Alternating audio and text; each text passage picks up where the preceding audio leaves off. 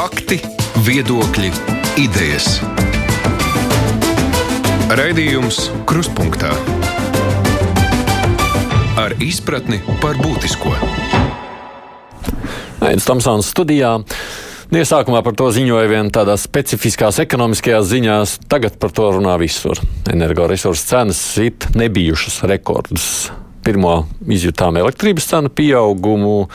Tur tās nepatīkamas tendences vērojamas jau ilgāku laiku, bet nu, pēdējās nedēļas neapšaubām situācija ir krietni dramatiskāka. Naftas cenas arī ilgstoši, bet kāpja tiesa nu, krietni mērenāk nekā ir arī kādreiz pieredzēts. Bet nu, paralēli nebijušas rekordus ir arī dabasgāzes cenas, un tas viss rada pat panisku noskaņojumu. Nav šaubu, ka tas ietekmē un arī ietekmēs ikvienu no mums. Elektrības rēķinos to jau redzam, tūlīt būs siltumam, gāzei. Un tad tā ķēdes reakcija sekos preču cenās, jo gal galā viss jau ir cieši saistīts. Kāpēc tā notiek? Vai šis process ir kā, kā likumsakarīgs un cik prognozējumi bija šie notikumi, kas būs tālāk? Par situāciju energoresursu tirgu runāsim mēs tuvākajās minūtēs. Eironet Plus, Milāno, Zagreba, Brisele, Sofija, Rīga. Eironet Plus, vadošā Eiropas ziņu radiostaciju apvienība. Saprast Eiropu labāk! Krustpunktā studijā šeit ir enerģētikas jomas eksperts Reinis Aboltiņš. Sveicināti! Sveiki! Savukārt vēl viens eksperts, eksministrs Jūras Ozoliņš ir attālināts. Labdien, jums, Ozoliņa kungs! Jā, labdien! Un tāpat attālināts studijai ir pieslēgušies Saimas tautsēmniecības agrārās vidas reģionālās politikas komisijas priekšsēdētājs Krišāns Feldmans. Sveicināti! Labdien! Un arī Eiropas parlamenta deputāts Roberts Zīle. Labdien! Labdien! Uh, Eiropas parlaments vakar lēma, un es redzēju, tur uh, tās diskusijas parlamentā ir bijušas karstas, bet es sākšu vispār par to kopējo situāciju. Vai man tikai liekas, vai tiešām tā ir tāda pirmā reize, kad cenas kāpj pilnīgi visam? Šajā reizē tā tad elektrība, nafta, gāze, mums ir bijuši nu, naftas cenas kāpumi, tur es nezinu. Bet, uh, tas nav tik ļoti ietekmējis kā šoreiz, kad viss ir kopā. Cik tas ir tā savstarpēji saistīts? Uh, jā, nu, it kā mēģināt vienkārši to izstāstīt, uh, varētu, bet vienkāršot atkal varbūt būtu nu, risks nepateikt visu. Restīvi šajā situācijā, kad mums tiešām gan primārajiem energoresursiem, tad, piemēram, dabasgāzei, principā, ir cēlušās cenas, gan arī šis pārveidošanas sektora produktam, elektrībai un siltumam ir uh, nu, teiksim, cenas cēlušās.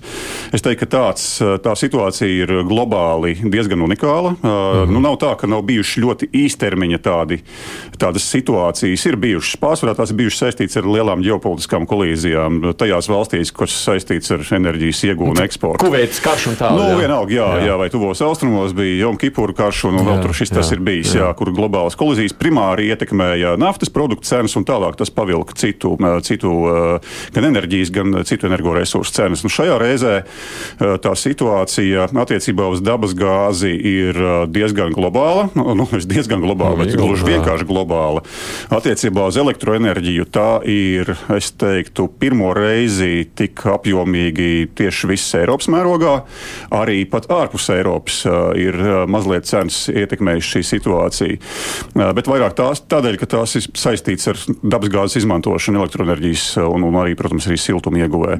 Bet tā lieta ir tāda, nu, pavisam vienkārši mēģinot. Tur ir, es parasti saku, četri faktori ir ietekmējuši to, ka šobrīd uh, ir gan gāze, gan elektrība dārga. Tad Viens ir tas, ka uh, reģionāli skatāmies uz Baltijas jūras reģionu valstīm, kurš, uh, ap kuru esošās, esošās valstis ietilpst tā saucamajā Ziemeļu valstu un Baltijas valstu Nordpūlu elektroenerģijas tirgu, uh, elektroenerģijas biržā. Uh, Tātad šajā reģionā uh, ir vairāk notikumu bijuši, protams, citos reģionos arī, bet šajā reģionā izteikti bija divi ļoti silti un sausi mēneši. Uh, šo vasaru ar, uh, nu, tā, ar ļoti maz, mazu apjomu nokrišņu. Un tas ir patukšojis. Uh, patukšojas lielās ūdenskrātuves, it īpaši Skandināvijā, Skandināvijas ziemeļos, kuras tradicionāli kalpo kā galvenais avots uh, lētākai, lētāk iegūstamajai elektroenerģijai. Un tā tiek eksportēta tālāk no Zviedrijas, Norvēģijas ziemeļiem uz dienvidu, dienvidu virzienā, nonāk arī Baltijas, valsts, Baltijas valstīs. Un, uh, šie rezervuāri, kā vienmēr, tika tukšoti. Vasarā, jebkurā gadījumā, tie patukšojas, bet tā krāja neatjaunojas. Un skaidrs tās prognozes bija, ka tā krāja neatjaunosies, un šobrīd tā arī neatjaunojas tik ātri. Tā ļoti lēni atjaunojas. Savs rudens arī mēs redzam Latvijā. Rudens arī ir ļoti savs. Jā, Toms Brits jau ir skaidrojis arī šo lietu, ka, lai gan mums bija it kā lieta šķietami lietains augusts, ka patiesībā reģionā tas augusts arī bijis diezgan savs. Līdz ar to uz šo resursu mēs šobrīd, šī resursa lētumu mēs cerēt nevaram it kā ar to nepietiktu. Arī uh, vējš ir pūtis salīdzinoši mazāku intensitāti un mazliet mazāku stundu skaitu nekā citkārt. Un, uh, vējš ir otrs, uh, vēja, vēja enerģija ir otra uh, lēta, e, lēta enerģija. Šīs te tehnoloģijas ļauj salīdzinoši lētu enerģiju iegūt gan tādēļ, ka pirmkārt uz sauszemes vēja paši vēja uh, elektrostacija ražotā elektroenerģija ar zemu pašizmaksu un atkrastē ir vai nu subsidētas, vai arī jau amortizētas un, un, un tirgu konkurējošas elektrostacijas arī par labu cenu var piedāvāt tirgu.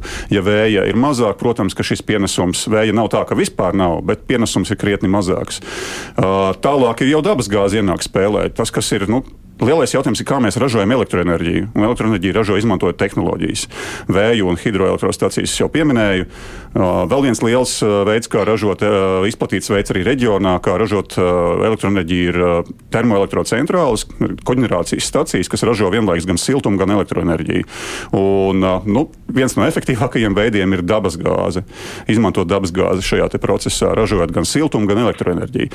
Bet ar dabasgāzi tas triks vismaz Baltijas valstīm mazāk rutīgi Igaunijai un krietni vairāk Latvijai, Lietuvai ir tāds, ka uh, to mēs simtprocentīgi importējam. Un mums nav pilnīgi nekādas ietekmes uz to, cik mums ir jāmaksā par šo gāzi. Pilnīgi nekādas. Tik cik tirgu cena ir, tik arī mums ir jāmaksā. Ja paveic, tad var mēģināt noķert kādā īstermiņā vai spot tirgu labas cenas, un tad mēģināt uh, nofraktēt kādu kuģi ar sašķidrināto dabasgāzi un atgādāt līdz, līdz klaipēdai un tālāk līdz Inškalnam aizsūknēt, uh, kas arī ir ticis darīts. Bet uh, kopumā ņemot ja, piemēram, Japānā, Austrumāzijā, pamatā Japānā, Dienvidkorejā, Ķīnā, kas ir nepiesātināms tirgus, patēriņš ir liels, un tās tas bija pagājušajā ziemā, kad bija stipri augstāka zima nekā iepriekšējos gadus daudzus. Patēriņš ir liels, tas nozīmē, ka arī sašķinātā dabas gāze, ko citkārt piegādātāji laipni tirgoja arī Eiropā, vairāk ceļoja uz turieni, kur vairāk maksā un vairāk maksāja Austrumāzijā. Līdz ar to, un, à, vēl vēl klimats, klimats un vēl viens faktors. Ir kā ar to nepietiek. Amerikas Savienotās valstīs, kas arī kļūst par lielu uh, sašķidrinātās dabasgāzes eksportētāju, uh, šī vasara, šī, šis pēdējais pusgads ir bijis diezgan kat kataklizmām bagāts. Uh, respektīvi, ir, ir bijuši tādi tor tornādo, dažādas dabas parādības. Uh, nu, faktiski normāls klimats, vienkārši skarbs klimats, kas ir uh, samazinājis uh, gāzes ieguvi. Un, uh, Līdz ar to arī spēju uh, piegādāt tirgū tik daudz gāzes, cik tirgū tiek prasīts. Tas viss ir uzdzinis uh, dabas gāzes cenu uz augšu. Un pēdējais, mm -hmm. lielais ceturtais faktors, atvainojos tik ilgi, ir CO2 cenas, jeb oglekļa izmešu cenas. Uh, arī uh, šis te lielais faktors ir ietekmējis primāri fosilā kurināmā un fosilā kurināmā tehnoloģiju izmaksas, ražoto, ražotās enerģijas izmaksas, precīzāk sakot. Tas nozīmē, ka ja dabas gāze pati par sevi kā produkts maksāja pirms gada septembrī apmēram 8,5 eiro par megawatu stundu. Tad šogad, tajā pašā laikā, septembrī, es paskatījos no Get Baltica dabasgāzes biržas cenā, biržas vietnē. Šogad tie bija 44 eiro jau, un šobrīd, oktobrī, tie jau bija 72 eiro par megawatu stundu. Respektīvi, tas ir ne tikai pieckārt, bet pat vairāk kārt ir šīs cenas cēlušās. Un CO2 mm. cenas, kuras vēl pirms dažiem gadiem bija zem 10 eiro par vienu tonu CO2, nu šogad tās jau ir pārsniegušas pat brīžiem 65 eiro par tonu. Mm -hmm. Respektīvi, Diemžēl daudzi šie faktori ir salikušies kopā, un es vēl nepieminēju nemaz Krievijas ģeopolitiskās spēles ar Gazprom faktoru. Jā, gan ja mēs arī pieminēsim te ainu, ja mēs redzam šobrīd, kadrā var redzēt, kas notiek ar elektrības cenām. Jūs sūtītā informācija skatoties, kā pa gadiem tā situācija ir mainījusies, un mēs redzam, ka tās cenas neapšaubām ir nu, gadu laikā nu, tas stabiņš, kurš mēs redzam, tas zilais, kas kāpj uz augšu, tas jau ir tas, kas rāda, kas notiek mūsu elektrības cenām pašlaik. Ozoliņa kungs, kā jūs raksturot to situāciju, kāda šobrīd izveidojusies? Uh, interesanti. Uh, mazliet nervus kutinoša, bet uh, jāsaka, nav arī neparasta. Domāju, ka jūs jautājums par to, vai to varēja paredzēt, diezgan grūti bija to paredzēt, jo patiešām, kā Reinis pieminēja, sakrit vairāk apstākļu. Um, gāzes, tas, ka gāzes tirgū kaut kas notiks, bija jūtams, jo tā visa uh, retorika ap Nord Stream 2 un tas, kas tagad turpinās ar certifikāciju un Putina, teikt, Eh, labvēlīgo mierināšanu un tirgus reaģēja, reaģēšanu uz to, ka kaut kas eh, ir labvēlīgs, eh, norāda, ka gāzes tirgus ir patiešām sanervozējies. Un ironija ir tāda, ka šajā brīdī mēģina to tirgot gāzi nākošā mēneša, aiznākošā mēneša. Tiek tirgoti ļoti mazi apjomi, sakarā ar maziem piedāvājumiem. Biržu skaits, kurš ar to nodarbojas Eiropā, daudz, bet tāds konsolidēts apskats rāda, ka apjomi mazi, cenu vārstības ļoti lielas. Lielākā tiesa cilvēka nereaģē uz to, ko tur tirgo, vai tiešām tik daudz, bet uz cenu izmaiņām, un tā ir nervozitāte. Uh, un uh, bez šaubām eļļu ugunī ielēja tāds, ka Eiropas gāzes krātuvēs ir mazliet mazāk gāzi kā pagājušajā gadā. Tirgotāji nav steigušies, viņi gaidīja uz kādiem labākiem apstākļiem. Nu, tā tas ir sakrits, un līdz ar to um, šaubas par ziemu ir visparastākā tirgus panika. Un tur nekas cits nav nepieciešams, kā ļaut tirgiem nomierināties. Nu, ļoti interesanta situācija ir, protams, ar elektrību. Šodien ir rekordaugsts cenas Eiropas valstīs. Varētu daudz domāt, ka Francija, kas ir balstīta uz atomenerģiju un atjaunojumiem resursiem, bet šodien tur ir rekordaugsts cenas salīdzinot ar pārējām Eiropas valstīm. Vienīgais glābiņš ir Skandināvijas ziemeļi. Šeit taisnības labā jāsaka tā, ja mēs paskatīsimies pēdējos trīs gadus, kā ir mainījušās elektrības cenas. Eh, mums bija viņas mērenas pirms diviem gadiem. Ārkārtīgi zemas pagājušajā gadā, neparasti zemas. Bija daudzas stundas un dienas, kad elektrības cenas bija negatīvas. Fosilās enerģijas ražotāji maksāja patērētājiem. Šogad cenas ir pieaugušas. Eh, es teiktu, mans izskaidrojums ir tāds, tas ir normāla tirgus darbība. Tad, ja pagājušā gadā fosilās enerģijas avoti cieta zaudējumus, lai viņi neizietu no tirgus vispār, viņiem kaut kad ir jāatgūst izmaksas. E, es tikai pateikšu to, ka pirms šīm e, sarunām, protams, man bija interesanti apskatīties, vai Eiropas Savienība ir izdarījusi kādas nopietnas kļūdas, izvēlotos ģenerācijas sastāvu. Paņēmu Rēņa pieminēto apgabalu, Vāciju ieskaitot, kādi ir mūsu ģenerēšanas aktīvi. Izrādās, ka ir ļoti nelā, neliels samazinājums. Tātad tie aktīvi, kas ir spējīgi pie resursu pieejams, nodrošināt mūsu ar elektrību, kuriem būtu jāsacenšas un kuri pagājušā gadā nodrošināja neiedomājami zemes cenas. Ir tā, ka ir ļoti nedaudz izgājuši uh, dažas ogļu elektrostacijas. Um, gāzes elektrostaciju īpatsvars ir 7% visā tajā spēlē. Uh, un uh, nevieni, neviena dalībvalsts, ne arī operatori ir atļāvušies samazināt aktīvus. Ievērojami pieauguši ir saules un vēja aktīvi, kas arī radīja pagājušā gadā ilūziju, ka mums ir ļoti ērta elektrība. Uh, tā kā teikt, Es šo nosauktu par sezonālām svārstībām. Mēs eh, jau šajā vai septembrī redzējām negatīvas gāzes cenas, elektrības gāzes cenas Vācijā. Arī dažas brīžas, dažas stundas, tā skaitā Latvijā. Nu, tāda ir šī tirgus modeļa īpatnība, kurš ir bezsirdīgs eh, robots, kas rēķina cenas. Nu, labi, par e, prognozēm noteikti mēs arī vēl vairāk parunāsim. Zielskungs savukārt Eiropas parlaments vakar, es saprotu, īpaši par gāzes cenām runāja, bet nu, es jau dzirdam, tā problēma jau nav tikai gāzes cenas, energoresursu cenas arī visā Eiropā raisa bažas. Kāda ir tās noskaņa šobrīd un ko jūs sakāt par to, kas notiek? No Eiropas parlamentā, protams, tur bija debata, izējot no tās valsts, kuras pozīcijas, no kuras viņi pārstāv, teiksim, spāņu deputāti, tīpaši sociālisti, kas ir valdošā partija Spānijā. Jo Spānijas valdība ir pieņēmusi veselu virkni atbalsta formas, kas ir visumā saviem iedzīvotājiem un biznesam, kas visumā ļoti strīdīgas. Tā skaitā uzliekot arī 3 miljardu apmērā nodokli tiem enerģetikas ražotājiem, elektrības, kas nav no gāzes ražotie. Tas ir tajā gadījumā no atoma vai atjaunojumiem, kuri ir nopelnījuši dēļ šīs augstās elektrības cenas papildus naudu, kas, protams, rada problēmas par nākotnes skatījumu, konkurenci un tam līdzīgi. Daudz būtiskāk, man liekas, ir tas, ko gan Reinis, gan Juris, abi eksperti izstāstīja par šo dabas un tirgus efektu šo, šo ziemas gaidām attiecībā uz enerģijas kopumā. Es redzu tur neapšaubām ģeopolitisks arguments un arī politisks kļūdas, kas, kas padara šo situāciju vēl sarežģītāku. Ģeopolitiski neapšaubām ir tas, ka Krievija ir izmantojot to, ka Eiropā faktiski ir tirgus orientēts gāzes tirgus, ka viņi nepiepumpēja pienācīgā apjomā uz ziemas sezonā Austrijā un citās vietās, Bamgartenā un Haidahā. Un citās krātuvēs pienācīgu apjomu, un sakot, ka te ir mūsu limitētie apjomi, ko mēs izpildījām, pat pārsniedzām viņus, kā Putins saka, par 8%.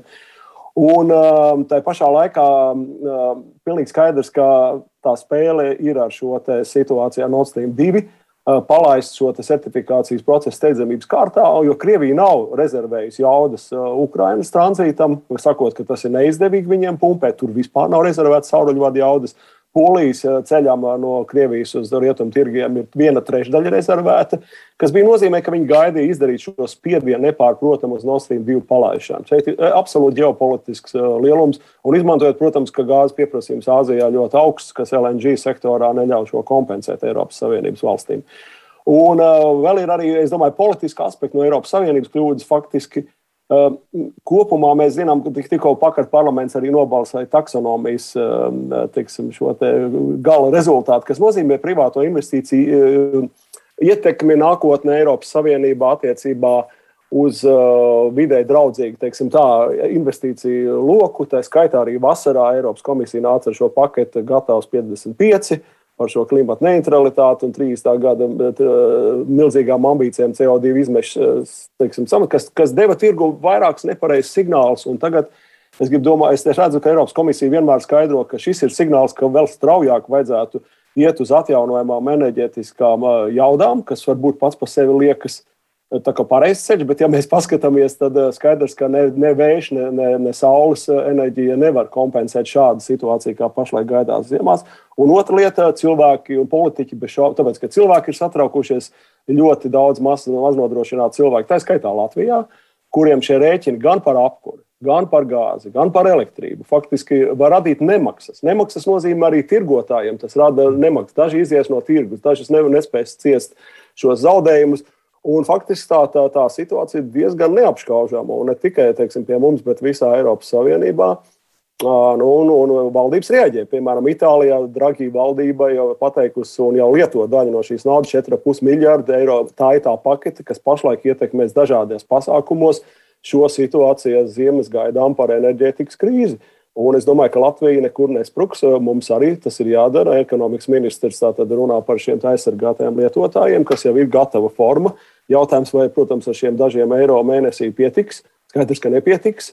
Un ir jāmēģina atrast labākās formas, kā palīdzēt iedzīvotājiem, īpaši masturīgiem un biznesam šo krīzi pārvarēt. Un, protams, nodrošināties ar to, lai šie ziemas sezonā, teiksim, apkurss iespējas nemazinātos, ņemot vērā lielo arī gāzes īpatsvaru šajās apkurses eh, jomās. Ne visās vietās Latvijā, protams, bet šie tarifi augs un var arī iespējams sliktā scenārijā pietrūkt.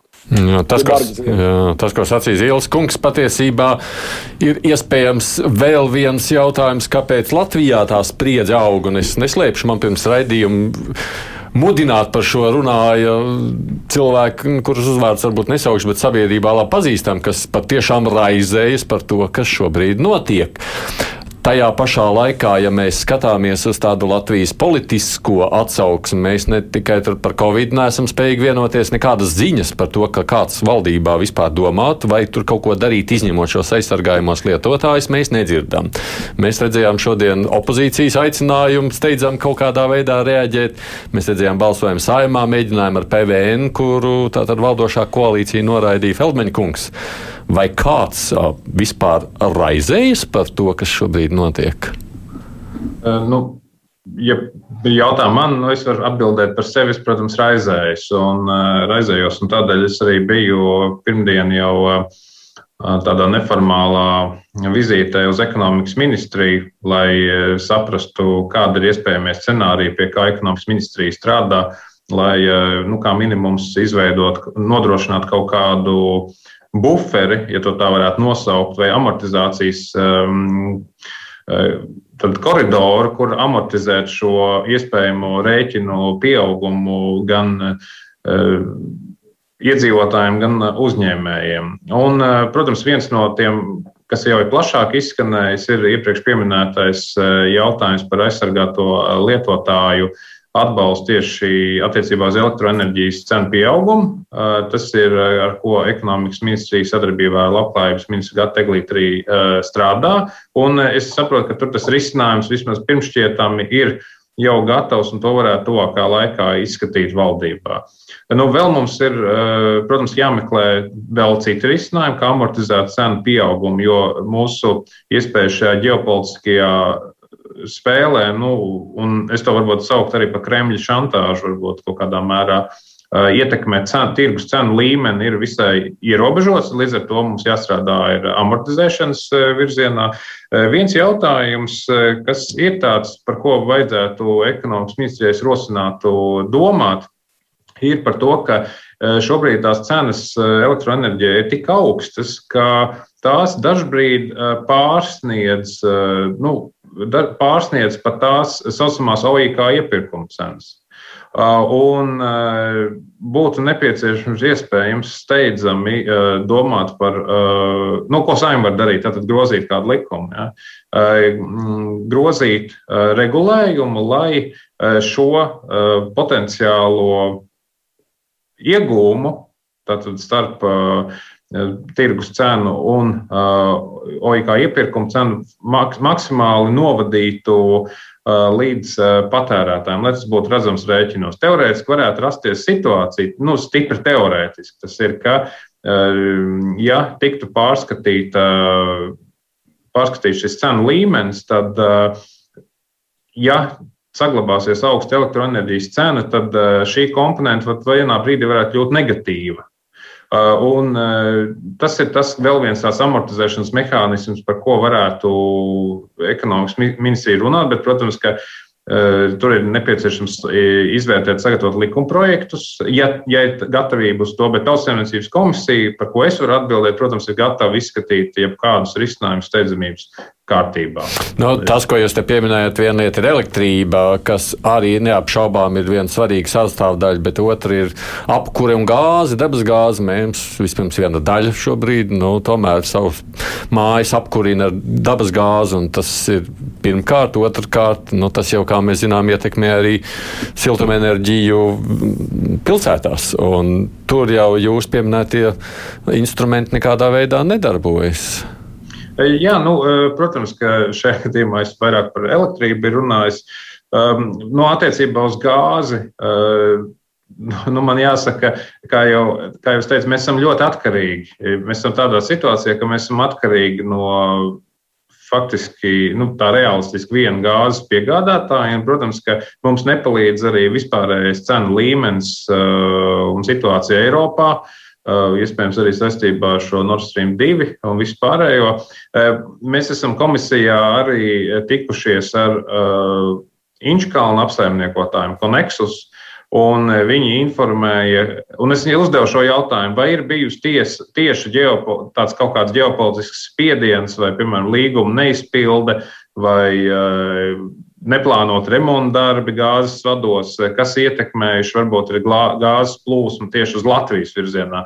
Un viņi atbildēja, ka tieši tādi notikumi nav notikuši. Tātad līgumi ir izpildīti, nekaidīti remonta darbi nav notikuši, eh, bet par ko ir šauba, kas ir problēma, ka tātad eh, tālāk gāzes tirgotāji, redzot, ka ir diezgan augsts gāzes līmenis, tātad negatavojas uh, tālākajiem eh, notikumiem pēc janvāra un eh, visticamāk eh, gaida, gaida kāds cenu līmenis būs janvārī, kad tīri teorētiski varētu šīs Inčkalnā uzkrātās gāzes rezerves nokusties līdz minimālam līmenim, lai tikai tad par saucamajām tā brīža tirgus cenām, par spot cenām iegādātu um, kaut kādu tajā brīdī nepieciešamo apjomu. Tas risks ir, ka tās cenas var būt daudz, ļoti augstas tajā brīdī eh, salīdzinoši ar šo, bet nu, eh, mums arī mēs kā valsts nepiedalāmies eh, šajā gāzes tirdzniecībā, mūsu rīcībā ir tieši mūsu rīcība saistīta vairāk fokusēs tieši uz amortizējošiem mehānismiem. Nu, par to jūs arī runājat. Pa, pa priekšu vispār par prognozēm. Mazliet jau mēs tādā veidā, es vienkārši sākumā gribu iezīmēt kopāinu. Es saprotu, ka mēs esam salikuši kopā, bet tā, tā situācija ir elektrība, dabas gāze, nu, naftu mēs te pat nepieminējām. Tur jau arī ir interesants kustības vērojams. Ozoliņa kungs izklausījās visoptimistiskākais par prognozēm. Vai es pareizi saprotu? Jūs sakāt, nu, ja tās ir tirgus svārstības, dabisks tirgus, nu, tirgus svārstības beigsies, spekulācijas vienmēr izbeidzas. Kādas tad jūs redzat tās nākotnes prognozes, Ozoliņa kungs? Nu, mums jau šodien ir pieejamas prognozes, kā, kā prognozē naftas biržās nākotnes cenas, caur tie forward kontraktus, future kontrakts. Es ļoti atvainojos, ka es nevaru eh, pārtulkot latviešu valodā, bet jūs saprotiet, nu, tas, kas uz priekšu no, novembrī, februārī, uh, martā. Jā. Un tur taču un, ir kaut mēs, kādas milzīgas cenas. Vismaz, ja skatāmies uz gāzi, tās ir milzīgas cenas. Nu jā, bet ir, ir, ir jārēķinās, ka gāzes krātuves Eiropā ir diezgan augsti piepildīts. Ir ilgtermiņa līgumi saslēgti. Mēs redzam, atsaucas cenu, kur notiek tirdzniecība ar ļoti nelieliem apjomiem, eh, kuras izmantos eh, tad, kad eh, runās par ilgtermiņa līgumiem. Faktiski tā sistēma darbojās, un viņi pašlaik piemērojās jauniem apstākļiem. Uz to balstās mana mm, hipotēze, ka tas ir īslaicīgi. Kā teikt, pēc eh, decembris paies, nāks eh, ziedošais maijs, un ehm, visas lietas nostāsies savā vietā. Nevar, nevar pateikt, ko nozīmē jaunais eh, stāvoklis, bet mēs atkal apskatāmies, kas notika pirms gada un kas bija tie apstākļi, kas nodzina gāzes cenas ļoti zemu. Protams, tā bija atjaunojamā enerģija elektrības ražošanā. Tas bija neparasts gads, kur mēs faktiski redzējām Eiropas eh, enerģijas eh, sektora darbību it kā vairākus gadus uz priekšu, ja mēs būtu veikuši tās investīcijas. Nu, šogad, šogad tas notiek eh, nu, teikt, savā normālajā režīmā, normālā attīstības gaitā. Es neredzu nekādus tādus piespieda mehānismus, kā varētu pārtaisīt gāzes tirgu. Tas, kas ir tik daudz gadus taisīts, būvēts, savienots, eh, attīstīts, eh, mēģinājums viņu kaut kā ierobežot, ir ļoti apšaubāms. Bet eh, man liekas, ka paliek tikai iespēja nodarboties ar kompensācijas mehānismiem tiem, kuriem tas patiešām ir nepieciešams. Nevis silta sedziņa visiem, tā, tā skaitā turīgiem, bet patiešām tiem, kam nepieciešams. Pieminēšu, ka elektrības tirgus šī brīdī uzvedās ļoti neparasti, bet atkal nav nekādi fundamentāli apstākļi, kas viņām liktu tā darboties ilgstoši. Zīles kungs šaubīgi met ar galvu. Nē, nē, nu visu cieņu Jūri Ozoliņu, Jūri Ozoliņu, ko es pazīstu gadiem ilgi, ļoti ilgi. Es gribētu teikt, ka šis miers man nepārliecina. Tā situācija nav tik vienkārša. Nevajag arī cilvēkiem radīt ilūzijas, ka viss nostāsies savā vietā.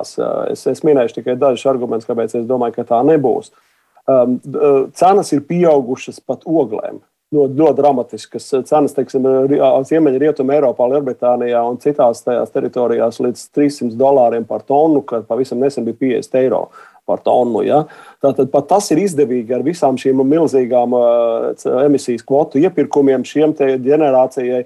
Faktiski ģenerēt elektrību un siltumu. Tas nozīmē, ka pašlaik ir cīņa par to, lai šo ziemu vispār nodrošinātos. Un neskatoties uz dārdzību, panākt to, ka ir garantīja, ka ziemā šis siltums būs, un, un, un šajā gadījumā cilvēkiem Eiropā nebūs šī spriedze, kas viņiem šad ir gadījusies arī pagātnē. 2009. gadā, kad bija gāzes krīze, ja mēs atceramies ar 1. janvāru, jo Krievija vairs nepiegādāja Rietumu Eiropai caur Ukrajinu un tam līdzīga situācija. Es domāju, ka šeit šis miers nebūs. Otrakārt, par vidēja termiņa jautājumiem. Es arī nepiekrītu Jurim Ozoliņam par to, ka Pēc tam viss atkal atjaunāma enerģētika no, saražos un izspiedīs gāzes cenu lejā. Iespējams, kādu brīdi jā, bet kopumā tas kurs, ko Eiropas Savienība tagad arī šajā manas pieminētajā jūlijā paketē, gatavs 55, tur ir arī lietas ieviest emisiju tirdzniecības schēmas attiecībā uz mājokļiem, tā skaitā iedzīvotāju māju, ne tikai uz komerciālajām ēkām, un uz autotransportu kas bez šaubām radīs ilgtermiņā faktiski pieaugumu dēļ tā, ka fosilais kļūs dārgāks un par to maksās. Un tas nozīmē, ka iespējams, kā arī daudz eksperti Eiropas līmenī saka, ka iespējams, ka, lai jūs varētu samazināt fosilā krājumu, jums no sākuma jārada pieprasījuma samazināšanās fosiliem resursiem, gāzei, oglēm un tam līdzīgi. Tikai tad jūs varat samazināt piedāvājumu. Un, un šis ceļš ir ļoti, manuprāt, nepārdomāts, un par to vien vairāk balss izskan šajā politiskā līmenī, kas bez šaubām balstās uz ekspertu redzējumu.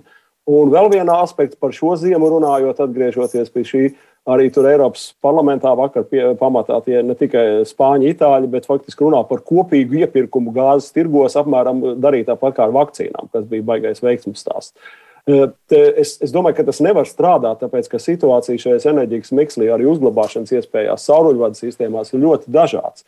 Un šīs gaidas pašlaik ir politisks apjukums. Un, kā jau minēju, vairākas valstis iegulda reālu naudu atbalstam, lai nebūtu nemaksas, lai nebūtu cilvēkiem neapmierināti, lai viņus nevarētu izvilkt uz, uz ielām, jo enerģētikas rēķinu pieaugums, nemaksas parādi ir tas, kas ir, manuprāt, daudz bīstamāks arī Latvijā. Īpaši ņemot vērā, ka nākamā gada ir vēlēšanas un jaun, jaunas politiskie spēki izmantos tāpat kā šo vakcināciju, nevakcinācijas teiksim, pieeju un šīs brīvības viņi izmantos arī šo situāciju. Ja valdība neatradīs labas metodas, kā nomierināt sabiedrību un mazo biznesu, īpaši, ka viņiem nebūs bankrotu, nebūs cilvēkiem uzkrāta parādi, un arī tiem, kas tirgo šo enerģētiku, būs skaidrs, ka viņiem arī būs kaut kādi ienākumi vai atliktas iespējas sagaidīt šos ienākumus nākotnē. Bez tā ir ļoti politiski bīstama situācija. Reina, runājot par elektrību, kāda izskatās no jūsu skatu punkta tagad tā aina perspektīvā? Nu, ļoti labi izskatās. Es mazliet aplinkus at, sākšu atbildēt ar šķietami nesaistītu varbūt frāzi. Proti, ilgstoši atrasties zemes enerģijas cenas situācijā ir tiešām kaitīgi. Tas ir kaitīgi patēriņa paradumiem, jo cilvēkiem rodas iespējas ka enerģija nemaksā neko, ka tā ir pa brīvu un ka tā vienmēr ir jānodrošina un tā vienmēr ir jānodrošina par ļoti zemām cenām. Bet patiesība jau ir tāda, ka tieši jau tas tirgus ir tas, kurš to regulē un nosaka, ir pieprasījums un piedāvājums, un zemes cenas stimulē patēriņu, lielāku patēriņu. Tas ir elementāra ekonomika, elementāra skaitļi. Un enerģijā tas izpaužas varbūt pat vairāk nekā jebkur citur. Ja elektrība maksā maz, tad mēs uz nebēdu tērējam. Ja varbūt apzinīgākie tur seko līdzi un domā arī mm. par vidi un tā tālāk, bet uh, principā ir diezgan tieša korelācija. Un uh, šajā brīdī mēs esam faktiski sastapušies, gan jāatzīst, tādā tiešām ekstrēmā veidā ar situāciju, ko uh, analītikā un arī pētniecībā sauc par nērtību izmaksām, respektīvi, kurš ir tas brīdis, kad mums tiešām sāk sāpēt, kad mums vai nu jāmaksā par daudz, vai mūs kaut kā sodīs par to, ka mēs uh, kaut ko darām. Noteikti, piemēram, tērējam enerģiju un vai neesam ieguldījuši energoefektivitātē. Es domāju, ka slikti ir tas, ka mums tiešām tik ekstrēmā veidā nāksies šim iziet cauri uh, tam, ka mums ir jāmaina beidzot savi patēriņa paradumi. Es pareizi saprotu, jūs sakāt, tā ir cena paliks dārgāk, ar to jāsamierinās un vienkārši jāpielāgojas. Tā, uh, tā ir daļa no atbildes. Nē, nē, nu, tik, traki, tik traki nebūs. Es uh, skatoties no tā, kā vēsturiski tirgū cenas ir svārstījušās, uh, es prognozēju, ka tās lielākās jaudas reģionā, kas ietekmē arī cenu svārstības Baltijas valstīs, un es teicu, ka tās ir lielās hidroelektrostācijas pamatā. pamatā. Nu, Restīvi, lētākais, pieejamais, lielais ražošanas tehnoloģiskais resurss ar zemāko nu, zemāko pašizmaksu elektrību, lielie hēsi. Uh, katrā no reģionu valstīm šie enerģijas portfeļi, tas tehnoloģija portfels ir atšķirīgs.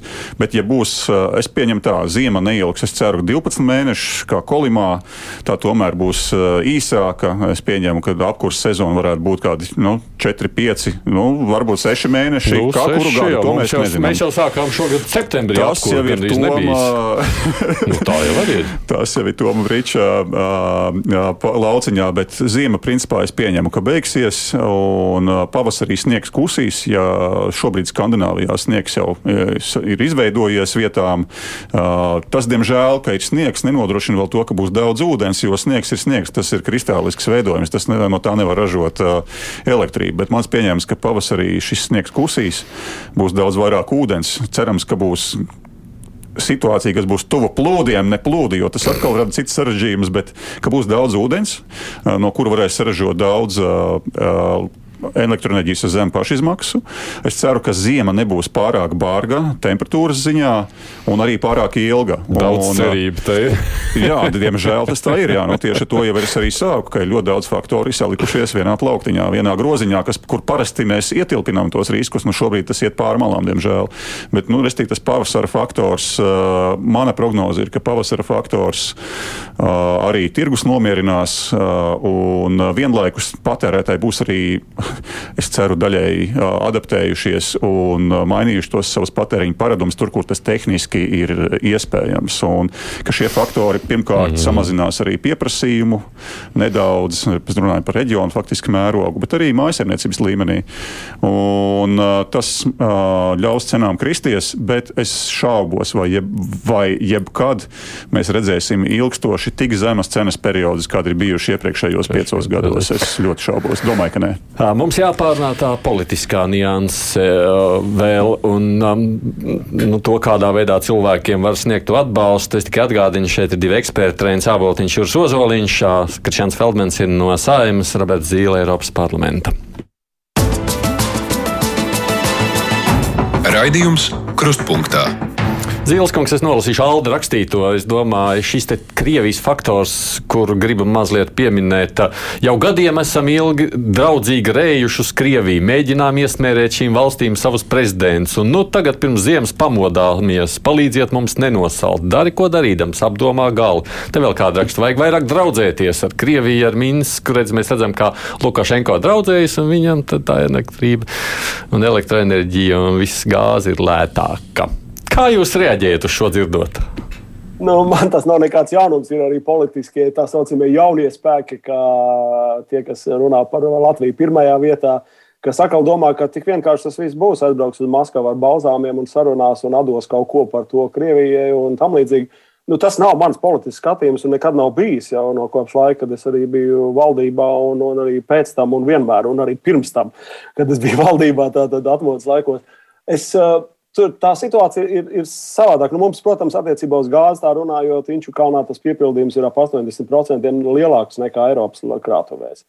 Eh, tur, protams, ir arī tirgotāji. Formāli tur Gazproma nav, bet ir tirgotāji, kas iespējams daļu no šīs gāzes ir rezervējuši plaskaus apgabalu apkurēs ziemas sezonā, ja tas būs vajadzīgs. Un, un tas tā varētu būt. Jums jārēķinās arī ar šādām teiksim, aspektiem. Uh, Bet uh, pagrieziens uz to pusi, ko jūs minējāt, nav iespējams. Eiropas Savienība pieņēma šo gāzes liberalizācijas paketi, kurā Krievija tagad šajā apstākļu kopumā izmanto kā ģeopolitisku ieroci. Viņi saka, lūk, jūs paši Eiropieši izvēlējāties šo tirgus modeli, nu tagad jūs maksājiet par to. Bet iespēja ietekmēt Krieviju ir, jo vakar jau tur skanēja aicinājumi Eiropas parlamentā izmeklēšanu, skaidrot, kas tur ir par iemeslu. Tā, tādu vēstuli mēs esam arī parakstījuši Eiropas komisiju to darīt. Jautājums, vai Eiropas komisija to darīs. Eh, ģenerāla direktore, kur, no, ģenerāla direktors, kurš uzraug šo konkurences jautājumu.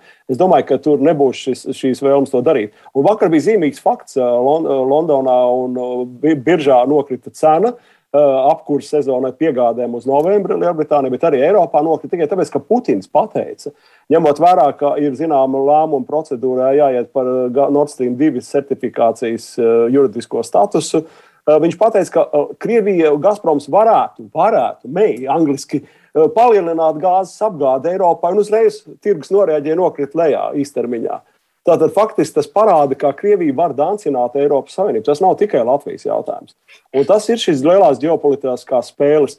Tātad ne, nevaram mēs skatīties atsevišķi Latvijas vai Baltijas intereses. Pie tam mums, Lietuviešiem, vēl šis jautājums ar, ar, ar atomelektrostaciju Baltkrievijā un neiepirkšanu, kas ir elektrības jautājums, bet, bet kas ietekmē visu šo papildus politiski arī Latvijas pozīciju un tam līdzīgi. Bet uh, Eiropa neies šo ceļu, uh, bet skaidrs, ka mācība būs liela. Būs domāju, mācība, ka, bet būs tā mācība liela tādā ziņā, vai šis es palīdzēs? Domāju. Es domāju, ka būs. Jautājums, kurā, protams, politiskā lielā problēma Eiropā ir šis zaļais kurs ar par katru cenu un ļoti ātri, eh, kas neievēro iespējamās lietas, ko es minēju par pieprasījumu samazināšanu, fosilām un krūmu, tikai tad, teiksim, piegādes apjomu samazināšanu un tam līdzīgi. Eh, tur ir problēmas. Jo, eh, piemēram, Itālijā puse no enerģijas miksa ir gāze. Itāļi Itāli, Itāli vienkārši to neizturēs, ja gadījumā viņi straujā tempā aizvietos šo gāzi savā enerģijas eh, kopumā ar kaut ko citu atjaunojumu. Un, un, un vienkārši tur ir Eiropas jautājums, kā viņi reaģēs uz šo situāciju. Vai viņi izdarīs secinājumus, vai viņi turēs šo mantru par jebkuru cenu ātri pāriet uz, uz zaļo kursu vai arī izdarīt zināmas korekcijas. Tas ir ārkārtīgi mm. politiski sarežģīts jautājums. Es nezinu, kā Jā. tas beigsies. Nu, tā kā savā, savalkot to kopā, sakot, divas lietas, tas ātrais ceļš uz zaļo kursu, kas varētu būt e, viena no lietām, ko varētu mācīties pārskatīt. Otrs jautājums ir par uh, to, vai apzināmies atkarību no Krievijas un meklējam kaut kādā mērā to mazināt. Felbeņkungs, jūs tur cēlāt roku. Jā, nu, e, tas ir cits interesants e, komentārs, ko jūs saņēmāt e-pastā ja, e, par to draudzēšanos ar Kremli. Ja. Tātad, nu, tā varētu būt viss visneilgtspējīgākā ideja, kāda man kāda vispār varētu ienākt prātā, ja tad uzticēties Kremlim. Īsā īstermiņā vai ilgākā termiņā. Šajā gadījumā skaidrs, ka fluktuācijas enerģijas tirgu nu, arī turpmāk varētu notikt. Dažādu iemeslu dēļ, sākot no laika apstākļiem, beidzot ar pieprasījumu. Bet, nu, kas ir arī jāsaprot, es esmu brīvā tirgus piekritējs kā ekonomists, un šajā gadījumā arī nu, jautājums, vai mums ir iespējas tomēr vēl kaut kā diversificēt šos piegādātājus, īpaši, kas attiecās uz gāzes piegādēm. Protams, ka tirgus ir lielā mērā savienots eh, dažādos reģionos un tā tālāk, bet uh, Nu, nu, tur mēs varam skatīties gribētu... daudzu gadu garumā griezumā, bet nu, ne jau šīs ziemas griezumā. Šīs ziemas griezumā nē, bet nu, varbūt šī ziema parāda, un varbūt iedzīvotāji arī uh, sāks pieprasīt politiķiem, uh, tiem, kas varbūt uzskata, ka nav nepieciešams uh, šī piegādātāja diversifikācija, ka varbūt mums arī šajā sakarā kaut kas jādomā arī. Uh, tie skaitā varbūt par uh, piemēram, tās pašas sašķelinātās gāzes ehm, termināla siltniecība. Bet mēs jau redzam, ka tā gāze nemaz neatnāk līdz Eiropai arī šobrīd. Visa Eiropa jau saka, ka visas gāzes aiziet uz Āziju, jo Āzija maksā mm. vairāk. Nē, var, var, var izdomāt desmit iemeslus, kāpēc tas tomēr nav laba ideja. Ja? Bet uh, es runāju, ka konceptuāli nu, droši vien, ka tas spiediens uz to domāšanu šajā virzienā būs. Man liekas, ka jūs katrs esat to savu nu, viedokli spējuši paust paust, tāpēc es gribu, man tikai desmit minūtes palikuši tomēr beigās par to, ko darīt. Šobrīd kādā veidā atbalstīt iedzīvotājus, jo jūs visi sakāt, tas vienīgais, ko šobrīd var īstermiņā darīt, ir skatīties, kā palīdzēt tiem, kas vairs nespēs samaksāt.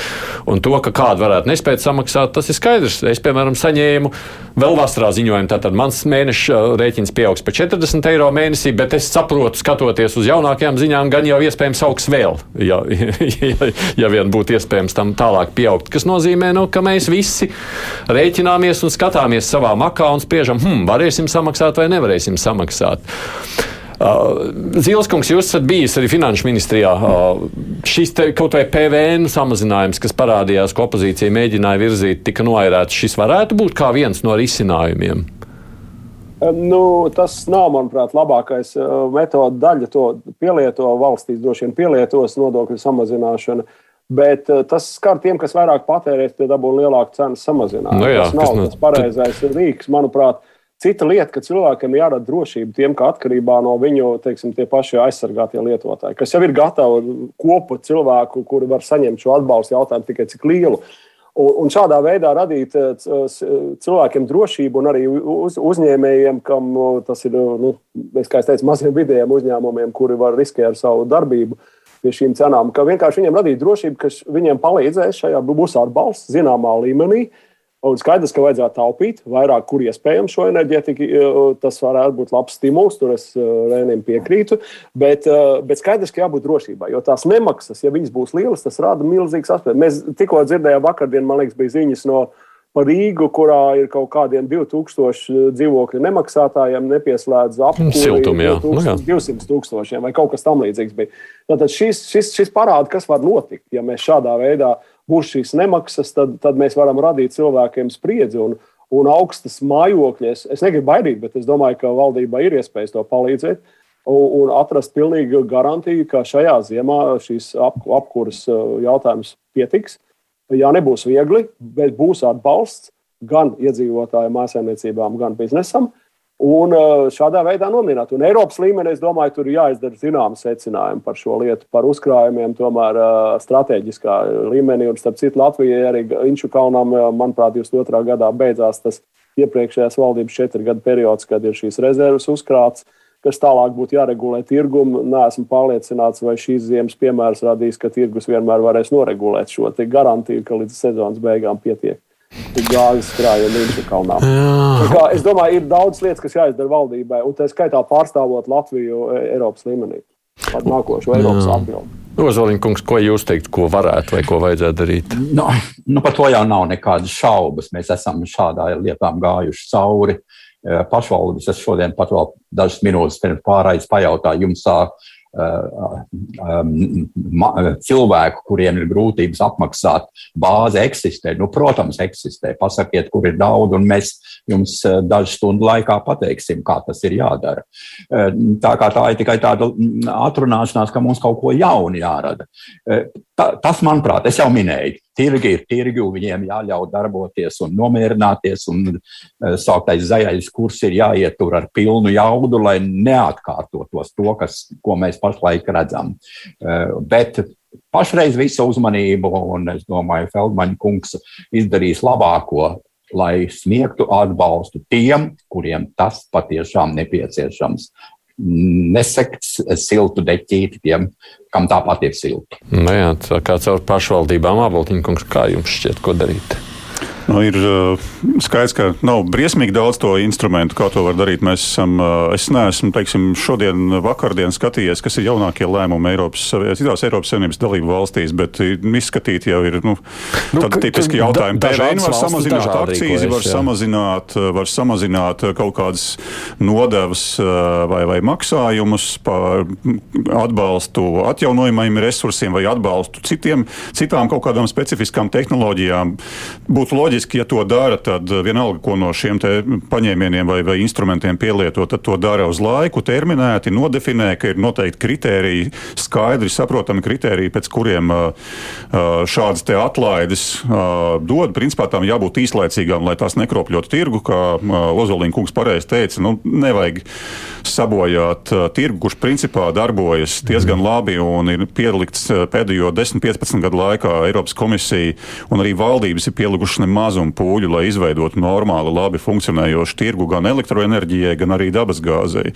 To nevajadzētu atvainojos sačakarēt šobrīd, jo tiešām lielāk, sliktākais, kas būtu uz ilgu laiku iedot kaut kādas atlaides tiem resursiem un tām tehnoloģijām, kuras mums rada lielāko atkarību. Tātad, Jā, gāze ir laba, kamēr tā ir lēta un kamēr ir labas piegādes, bet mums ir jāskatās, kā diversificēt šos piegādes avotus, tehnoloģijas izmantotās, vēl vairāk diversificēt. Un, protams, ka tā nav. Nu, jā, bet mērķēts atbalsts. Es piekrītu, mērķētam atbalstam ir jābūt. Mērķēts un terminēts. Mērķēts un terminēts. Manuprāt, tā ir, tā ir atbilde, jo tas nozīmē, ka ir saprotams, kad pie kādiem apstākļiem mēs šo spilvenu, ko mēs jums aizdevām, iedevām, saprotot situācijas nopietnību. Tā ir nopietna situācija. Mēs vienkārši palūksim jums atpakaļ, jūs viņu palietojāt, mēs tālāk ejam līdz situācija normalizēsies, mēs ejam tālāk. Es tikai nevajag radīt ilūziju, ka kāds atnāks un pilnīgi vienmēr uz mūžīgi, mūžīgiem laikiem atkal apmaksās kaut ko jūsu vietā. Nu, tas, tas tā nestrādās. Nu, tas nebūtu arī pareizi. -hmm. Es saku, ir slikti apsolīt lētu zemes enerģijas cenas administratīvā vai politiskā veidā. To vajag cik iespējams izvairīties. Un tādā ziņā arī akcijas man dara bažīgu, ka varētu šobrīd izmantot uh, fosilā kurnāmā uh, tirgotāju un piegādātāju šo globālo krīzi, lai uh, nu, teiksim, panāktu kaut kādas lielākas savas intereses tieši, piemēram, uz ļoti ilgu laiku samazinot akcijas vai tieši PVN specifiski, piemēram, dabas gāzei. Jā, nu, Var to darīt, bet lūdzu, skaidri, caurskatāmi kritēriji un terminēti. Nu, ne, tas, ko jūs visi sakāt, ir tas, ka. Nu, Nu, to nevar tā pagrābt patiešām, vai neviena opozīcijas vēl kādu priekšlikumu un uzreiz ielikt iekšā un sakot, mums ir. Uh, mana vērojot to, kas notiek ar pandēmiju, kur mēs nespējam nekādas lēmumus bieži vien pieņemt un ilgstoši vilināmies, es domāju, kurā brīdī mēs būsim vispār spējīgi kaut kur pieķerties, lai lemtu. Aziema jau tā nāk virsū, tāpēc jau te ļaudis saka, redz, Francijā jau tur pieņēma, redz, Itālijā jau par to lēma. Mēs pat nedzirdam, ka kaut ko runā par to. Tā, jā, Zīles kungs. Ekonomikas ministrs ir gājis ar šo jautājumu vairāk kārt. Arī šonadēļ, ja nemaldos, pirmdienas koalīcijas sēde arī Nacionāla apvienība kopumā pieteica šo kā jautājumu. Progress, acīm redzot, nav pagājis uz priekšu, tāpēc, ka arī premjeram bija jābrauc uz, uz Eiropadomu sēdi.